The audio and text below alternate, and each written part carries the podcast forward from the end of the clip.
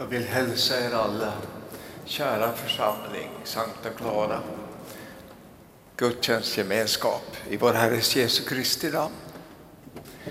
Nina Vasalim, Ninjen Jote, katika jina la Bwana wetu Jesu Kristo.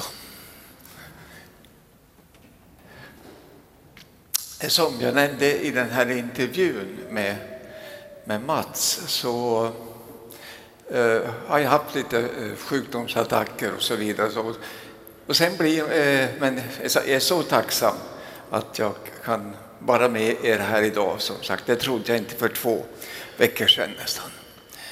Eh, och sen blir vi alla äldre. Finns det någon som blir yngre? alltså, det är nästan två år sedan jag var här och då klart det märks på olika vis.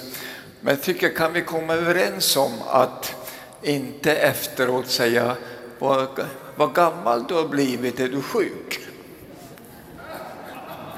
För gör ni det då svarar jag samma sak.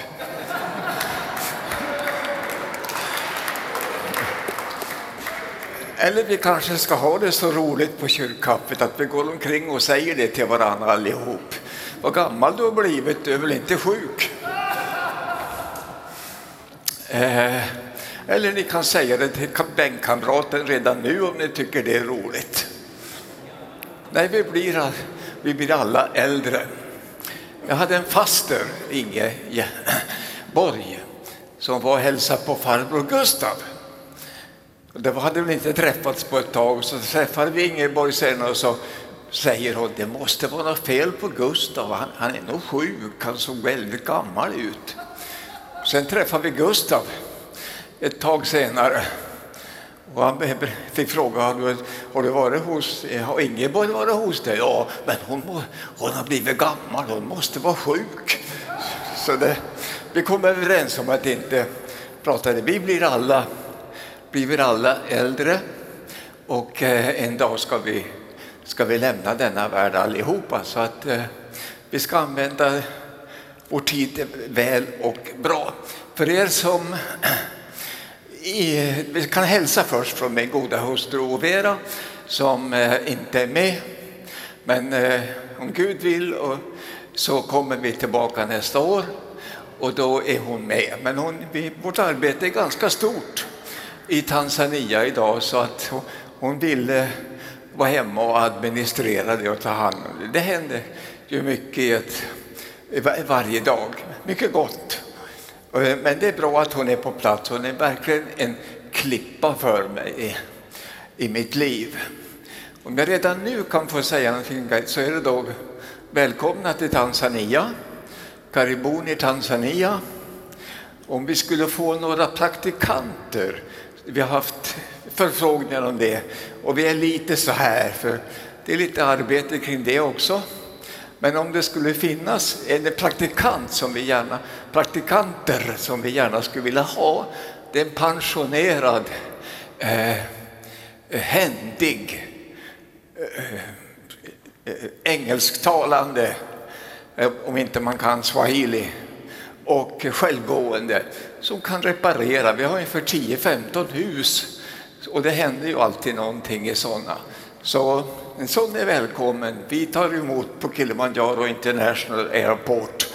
Eh, och eh, eh det skulle kunna vara en hjälp om någon känner en kallelse till det.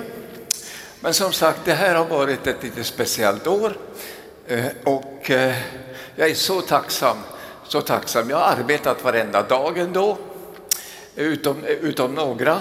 Jag kände jag behövde då vila när det var som eh, hårdast.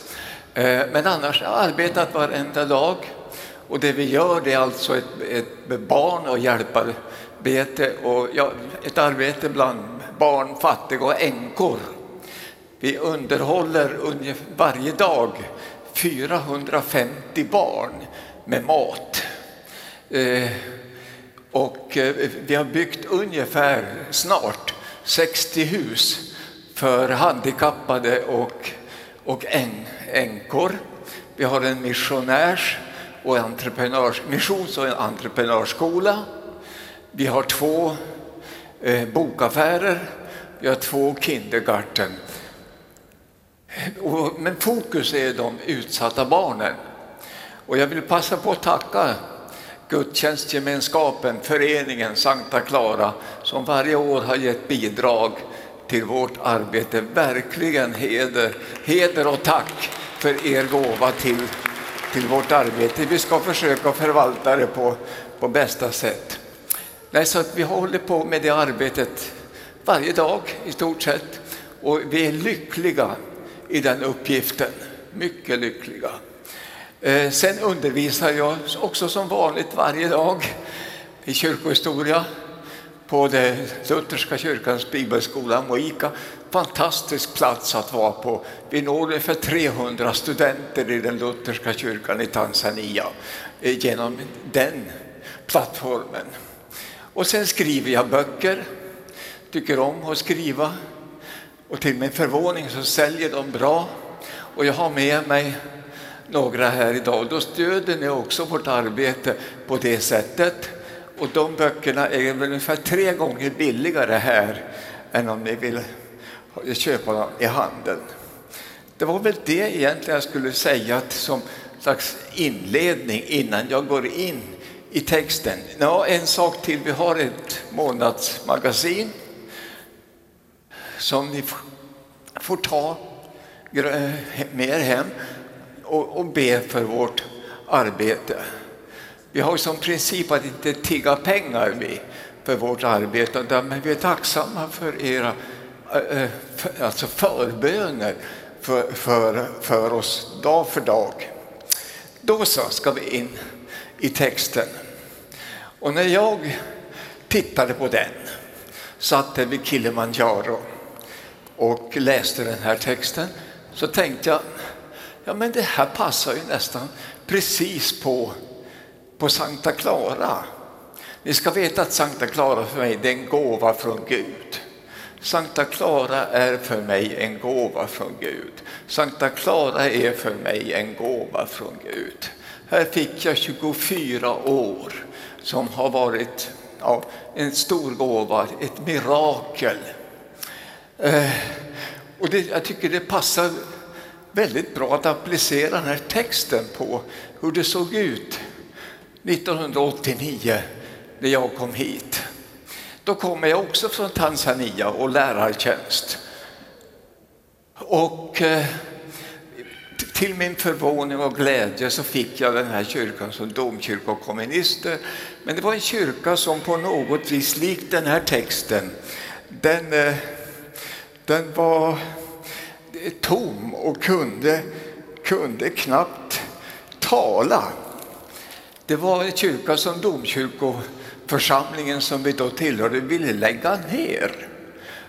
Det var nyckeln i låset, sa man. Om inte det händer någonting här. Eh, och en biskop, jag brukar säga, jag förtiger hans namn, föreslog att Sankta Clara skulle bli ett badhus. För det, det användes inte, det stod här bara. Eh, och så blir jag verksamhetsansvarig här och möter den lilla grupp som, som fanns i en sån här stor, stor kyrka. Jag, kan, jag tycker det, det passar liksom att säga att det var en, en kyrka som var tom eh, och inte kunde, inte kunde tala. Eh, för det var det, det berodde inte på några dåliga företrädare, tvärtom goda, habila.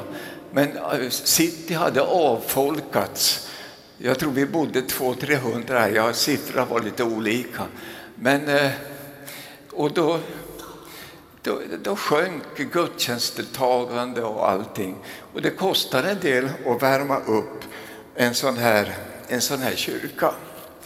Så jag tycker det känns igen när eh, det, står om, om Jesus här att han, han kommer dit och så möter han de här, eh, de här sjuka och de eh, eh är to, eh, stumma, kan inte, kan inte tala. Så eh, eh, hit kommer jag. Och jag kommer med KLM-planet från Nairobi. Så har jag med mig ett manuskript på nio punkter för församlingstillväxt. Jag hade fått en, en uppgift att skriva en så kallad pressmötesavhandling för mitt hemstift Härnösand av biskop Bertil Werkström. Och I bagaget i KLM-planet så finns de här, det här manuskriptet som sen blir boken Längtan efter liv på Verbum. Och med den kommer jag hit och kommer till Sankta Clara. Det är nio punkter för församlingstillväxt. Och de kom sen att prägla eh, arbetet här under min, min tid och sen vet jag att det har, har fortsatt så att det har varit lite bas för hur, man, hur vi ville arbeta. Och jag tänkte faktiskt idag få börja med dem, därför att inte alla känner till dem. Jag har talat om de här nio punkterna i, i hela Sverige, törs jag säga. Och ett slag i ansiktet tycker jag det har varit när jag varit där och när jag har haft studiebesök. Det har varit att ingen har gjort dem riktigt. De har tyckt det varit bra, men ingen har gjort dem. Men sen i detta nådens år 2021 så får jag lite mejl eh, att de, de, eh, man nosar på de här och börjar praktisera dem. Så jag vet att idag gör man det i Allingsås, man gör det i Forsrum dit jag ska. Så jag tänkte att hela den här predikoturnén som jag nu gör, den kommer jag att koncentrera på de här nio punkterna och börjar i Sankta Clara. Eh, min gåva från Gud, gåvan från Gud till mig. Jag kommer att presentera de här väldigt kort för er, nio stycken och sen ska ni få repetera dem. Den första punkten är, och jag säger först och ni får säga efter, den kyrka växer som är öppen för alla. Inte för allt, men för alla människor. Tröskel låg, kyrkdörr öppen. Eh, på alla vis visar likt Jesus att den som kommer till mig ska jag inte kasta ut. En öppen famn. Två, den kyrka växer som bryr sig om människor i nöd.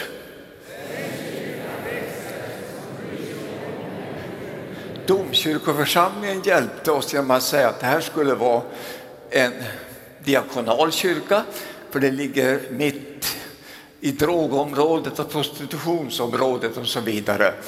Och det var ju en helt ny värld för mig i alla fall, som hade som församlingspräst gjort hembesök och så vidare. Men nu möta tunga narkomaner och tilltufsare som jag brukade säga. Och vi blev så småningom med, med goda, vänner, goda arbetares hjälp, inte minst Inga Bagreus, fick vi vara, en, vara just det, en diakonal kyrka och jag trivdes med det. Tre. Den kyrka växer som har en kärleksfull gemenskap.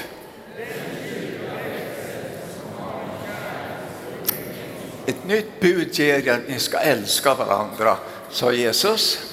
Tertullianus, 200-talet, sa om de kristna att man sa om de kristna, se hur de älskar varandra. Och vi försökte också vara en sån kyrka som klappade på axeln, försökte lära oss namnen, hade kyrkkaffe och så hade vi hem, hemgrupper. Det var de tre första. Fyra.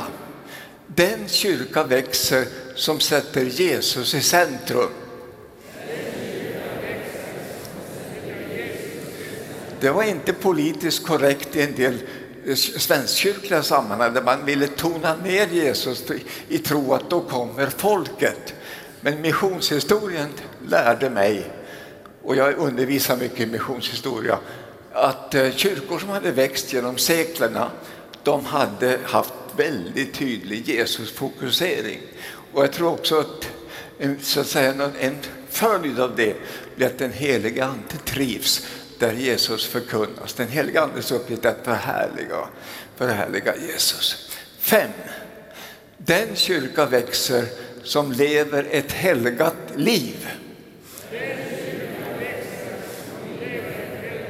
Där liv och lära på något vis hör ihop. Vi är alla syndare, eller hur? Det var en predikant som kastade ut den frågan en gång i en gudstjänst, i en predikan. Finns det någon här som inte är syndare, sa han. Då reste sig en person.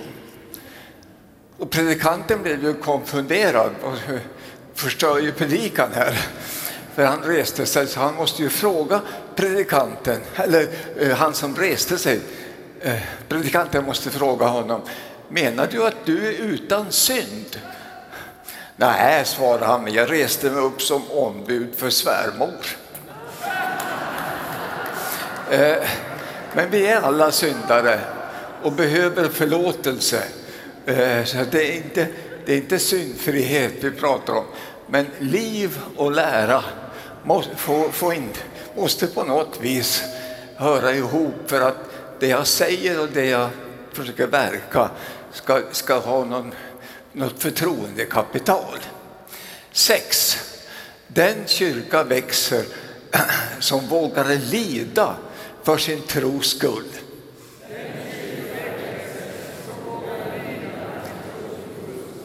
Att inte hela tiden anpassa sig hit och dit utan ha en linje. Några tycker om den, några ljuger om den, några skrattar åt den. Men ändå att man vågar ha en, en linje. Eh, I kyrkohistorien så har det sedan varit martyrerna som har stått ända, ända till döds. Det martyrernas blod är säden för växt, sa Tertullianus. Och så de sista tre som handlar om resurserna. Tre, äh, sju. Den kyrka växer som söker Gud i bön.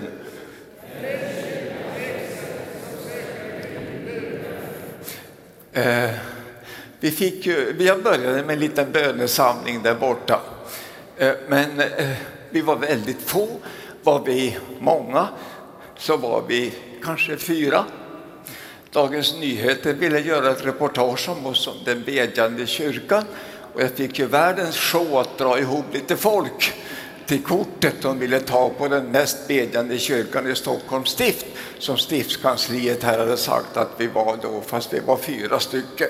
Hoppas att det inte stämmer, måste det vara församlingar som bad mer. Men jag fick ett show att dra ihop folk och hustrun tog tjänstledigt och så var vi nio på kortet i alla fall.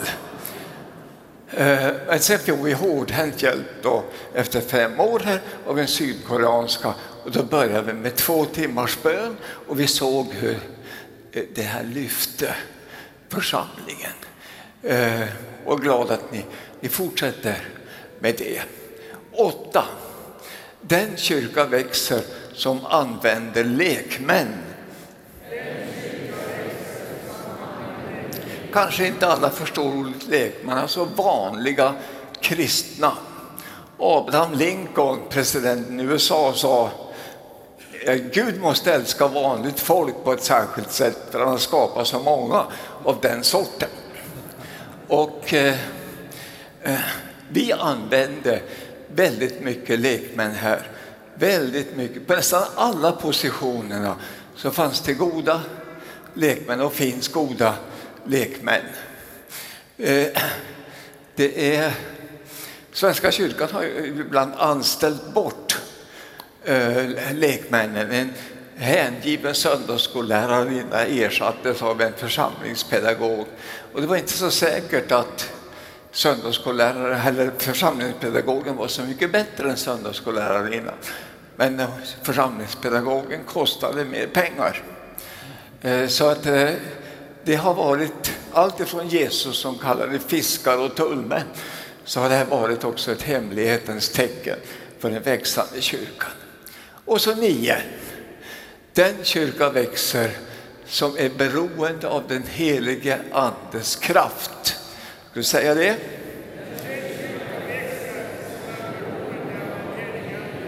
Egentligen skulle det vara punktnummer, jag vet inte vad, för allting är så beroende av den helige Ande. De första lärjungarna kunde inte göra någonting utan en helig Ande och jag är så glad att vi har haft så goda medarbetare. I Nils Lidskog för att nämna en, som lyfter fram det här starkt om behovet av gåvor. Och, eh, eh, och kraften i tjänsten. Min allra senaste bok heter just Den helige Ande, kraft till tjänst.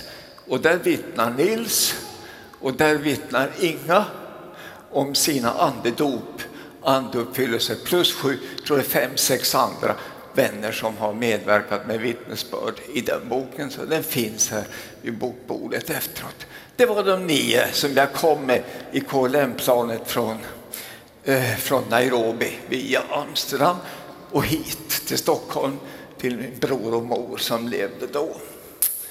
Du ska jag göra som jag gör när jag undervisar på bibelskolan i Wika. Jag ska göra det här med rörelser och det får göra efter mig. Så blir det här en sorts repetition. Den kyrka växer som är öppen för alla, då gör man så här. Det är Jesu öppna famn. Kom till mig alla ni som arbetar och är betungade. Punkten två.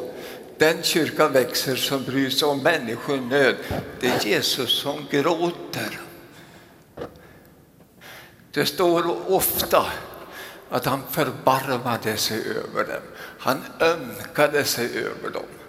Och ordet på grundtext, grekiska, betyder att det gjorde ont i magen på honom. Det gick så djupt i honom när han såg lidande människor. Jesus som gråter. Den tredje punkten. Den kyrka växer som har en kärleksfull gemenskap. Då kramar det, den här är Jesusbilden. Ni kan väl göra det med bänkkamraten, göra så här. Det är så roligt att se karlarna. Kvinnorna gör så här, men karlarna gör lite försiktigt. på Fyra. Den kyrka växer som sätter Jesus i centrum. Det är Jesus mitt i, rakryggad. Bland alla gurus och filosofier och medier och allt. Jesus i mitten och inför honom ska alla knän en dag böja sig. Fem. Den kyrka växer som lever ett helgat liv. Det är Jesus som pekar på hjärtat. Hjärtat, eh, det står för livet. Sex. Den kyrka växer som vågar lida för sin tros skull. Det är Jesus med törnekrona. Lyckliga är ni när människor säger allt ont om er och så vidare. Sju. Det är Jesus som knäböjer. Den kyrka växer som söker Gud i bön. Åtta. Det är Jesus som pekar så här. Gå ut på gator och gränder och han säger det till fiskar och tullmän. Den kyrka växer som använder lekmän. Och nian är den här. Det är Jesus som välsignar sina lärjungar och sin kyrka med den helige Ande. Den kyrka växer som är beroende av den helige Andes kraft. Ska vi ta om dem? Och ni ska säga dem och jag säger ingenting.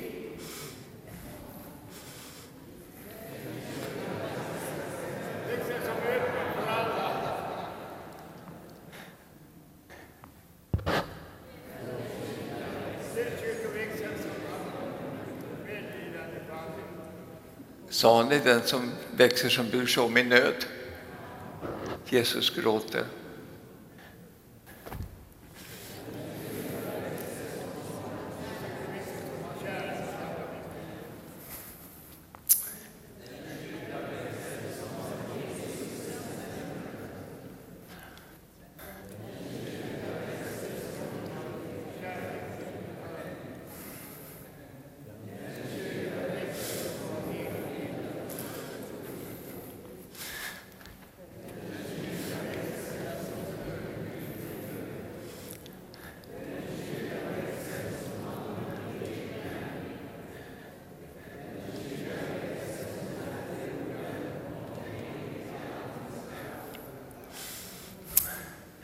Ska vi ta om då? Nu blir det svårare.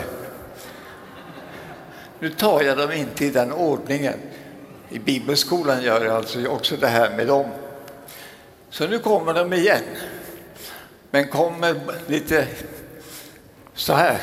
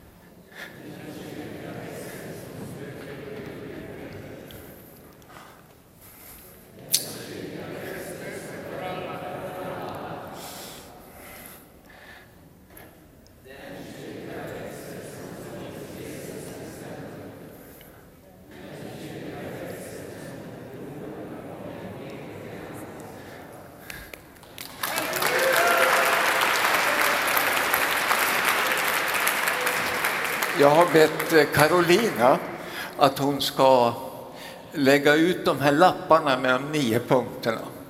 Jag har en god vän i Finland, prosten Boris Salo. Och han sa du måste ha något, ge dem något papper så att de kan lägga till exempel i Bibeln. Så ni får ta de där papperna eh, och kanske lägga i Bibeln för att bli påmind om det här. För så, för så här säger jag, på en halv minut att jag tyckte att jag fick de här nio punkterna. Jag fick dem. Jag fick dem där nere i Tanzania innan jag kom hit. Det var ingenting som jag skapade själv med mina hjärnceller. Jag forskade förstås och så vidare, men jag tyckte jag fick dem och jag har sett väldigt goda resultat av dem.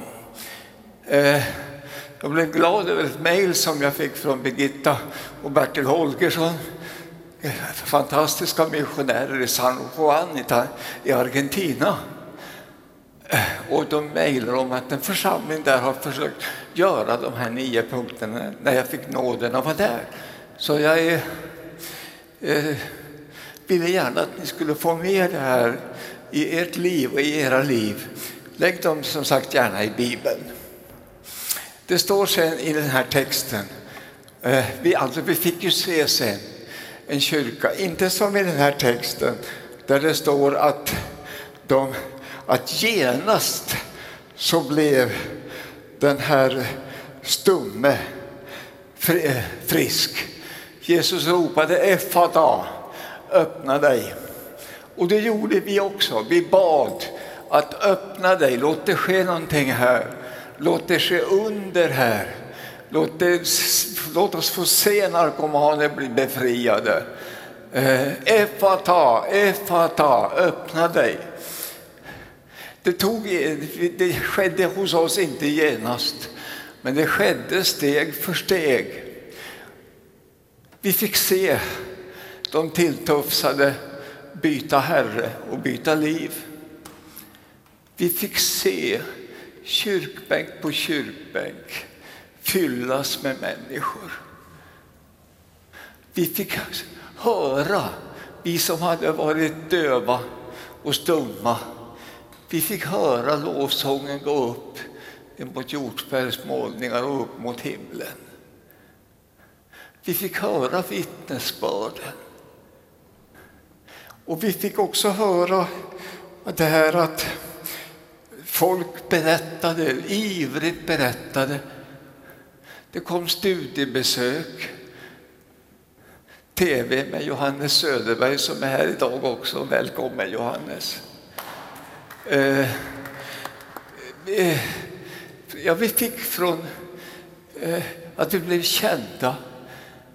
Folk berättade och var inte klara något annat och, och är inte klara något annat så är det en inspiration för väldigt många goda men kanske trötta kyrkoarbetare i vårt land och i Finland. Så det stämmer också med den här texten. Och ibland så skulle jag vilja påminna oss och er som var med och fanns med i den här processen. Fattar ni vad vi var med om? Fattar ni vad vi var med om? Jag sitter vid Kilimanjaro och minns. Jag har bilder från Klara och minns. Och tackar Gud verkligen för det jag fick uppleva här. Men fattar ni? Fattar ni Mats och andra? Ester, Parisia och alla ni, alla och Kent och Marie där bak. Fattar ni vad vi var med om? Om det här hade hänt i Vantör, fantastiskt. Om det hade hänt i Hallsberg, fantastiskt. Om det hade hänt i Östersund, fantastiskt. Men det hände i världens mest avkristnade land och i världens mest avkristnade huvudstad. Och mitt i den huvudstaden, fattar ni, nyper i skinnet att det var här det hände. Och eh, det var ett under, ett effata som blev ett så stort ja. Jag vill att ni ska hela tiden tacka för alla välsignelser. Det finns alltid saker och ting i en församling, nu pratar jag från min tid, som man måste ta, ta tag i. Inte alla är nöjda. Det, alltså det, det tillhör ett människoarbete. Men eh, glöm, för att lova Herren min själ, och glöm inte vad gott han har gjort. Allt han har gjort är gott, sägs det, säger man då i den här, säger folket i den här texten. Och jag skulle vilja att ni bad med er det också när ni går omkring måndag, tisdag, onsdag med utmaningar som kanske finns. Att allt han har gjort är gott. En gång till. Vet ni vad jag, det är det sista jag säger idag. Vet ni vad jag längtar efter? Och ber om och ser små tecken och har sett små tecken här. För jag vet att skulle det hända i världens mest avkristnade land och i världens mest avkristnade huvudstad, då skulle den här kyrkan sprängas. Då skulle folk ligga i sovsäckar på nätten på lördag mot söndag för att vara säkra på att få plats här när kyrkan öppnar. Jag menar undren, miraklen, sjukdomar som viker, alltså mirakulöst. Därför att Guds ande är så tung här på den här platsen. Får jag sluta med att nämna något som uppmuntrar för att lyfta tron. Några av de vittnesbörd som finns i magasinet som ni får ta med er hem. Linköping. Därifrån mina predik, enkla predikobesök ute i landet. Där folk kan mejla efteråt. Du bad för mig denna den dagen. Vi kom överens i bön att jag skulle vara frisk från utmattningen inom ett år. Men redan på tisdagen fick jag sova igenom hela natten. I cirka fyra år har jag sovit jättedåligt och sällan innan klockan tolv på natt och oftast inte till bara fram till två på natten. Sedan den dagen har jag mer eller mindre sovit som jag borde. Och även om detta inte har varit perfekt, åh tack Charlotte.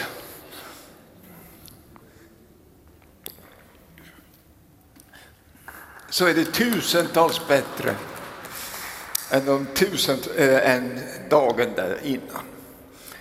Lidköping. Min man blev plötsligt mycket sjuk. Han drabbades av urinvägsinfektion och fick kateter. Den antibiotika han fick var resistent och spred sig i blodet. Och han blev sjuk gång på gång. Han Hade svårt att andas och vi trodde han skulle dö. Då läste jag din bok Effektiv bön och ringde runt till mina bönevänner Och vi bad överenskommet för min man och infektionerna upphörde. Och till sist, från mitt senaste besök här i januari i fjol, i gudstjänsten i Santa Clara, stod du och talade om att i en gudsatmosfär sker mirakler. Dagen innan var vi hos min syster i Uppsala och hjälpte henne städa. Jag råkade då skära mig djupt i mitt högra pekfinger. När vi sitter där i bänken i kyrkan så upplever jag Guds närvaro och kraft på ett märkligt sätt. Helt plötsligt är det någon som dunkar i min vänstra axel med handen. Jag vände mig om för att se om det var någon som ville mig något, men det var ingen. Omedelbart upplevde jag något i mitt finger och jag tog av plåstret på såret för att kolla. Det har varit ett djupt jack i mitt finger förut, men när jag tittade så hade det börjat dra ihop sig och jacket var inte kvar.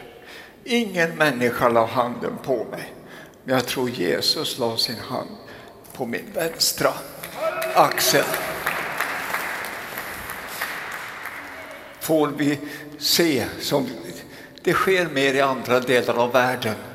Men får vi se det också i ett land där otron har haft ett så starkt fäste, att under börjar ske, då kommer våra kyrkor, inte bara Sankta Claras, utan många kyrkor att eh, sprängas.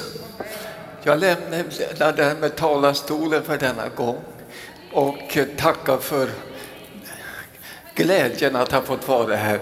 Gud välsigna denna kära församling. Amen.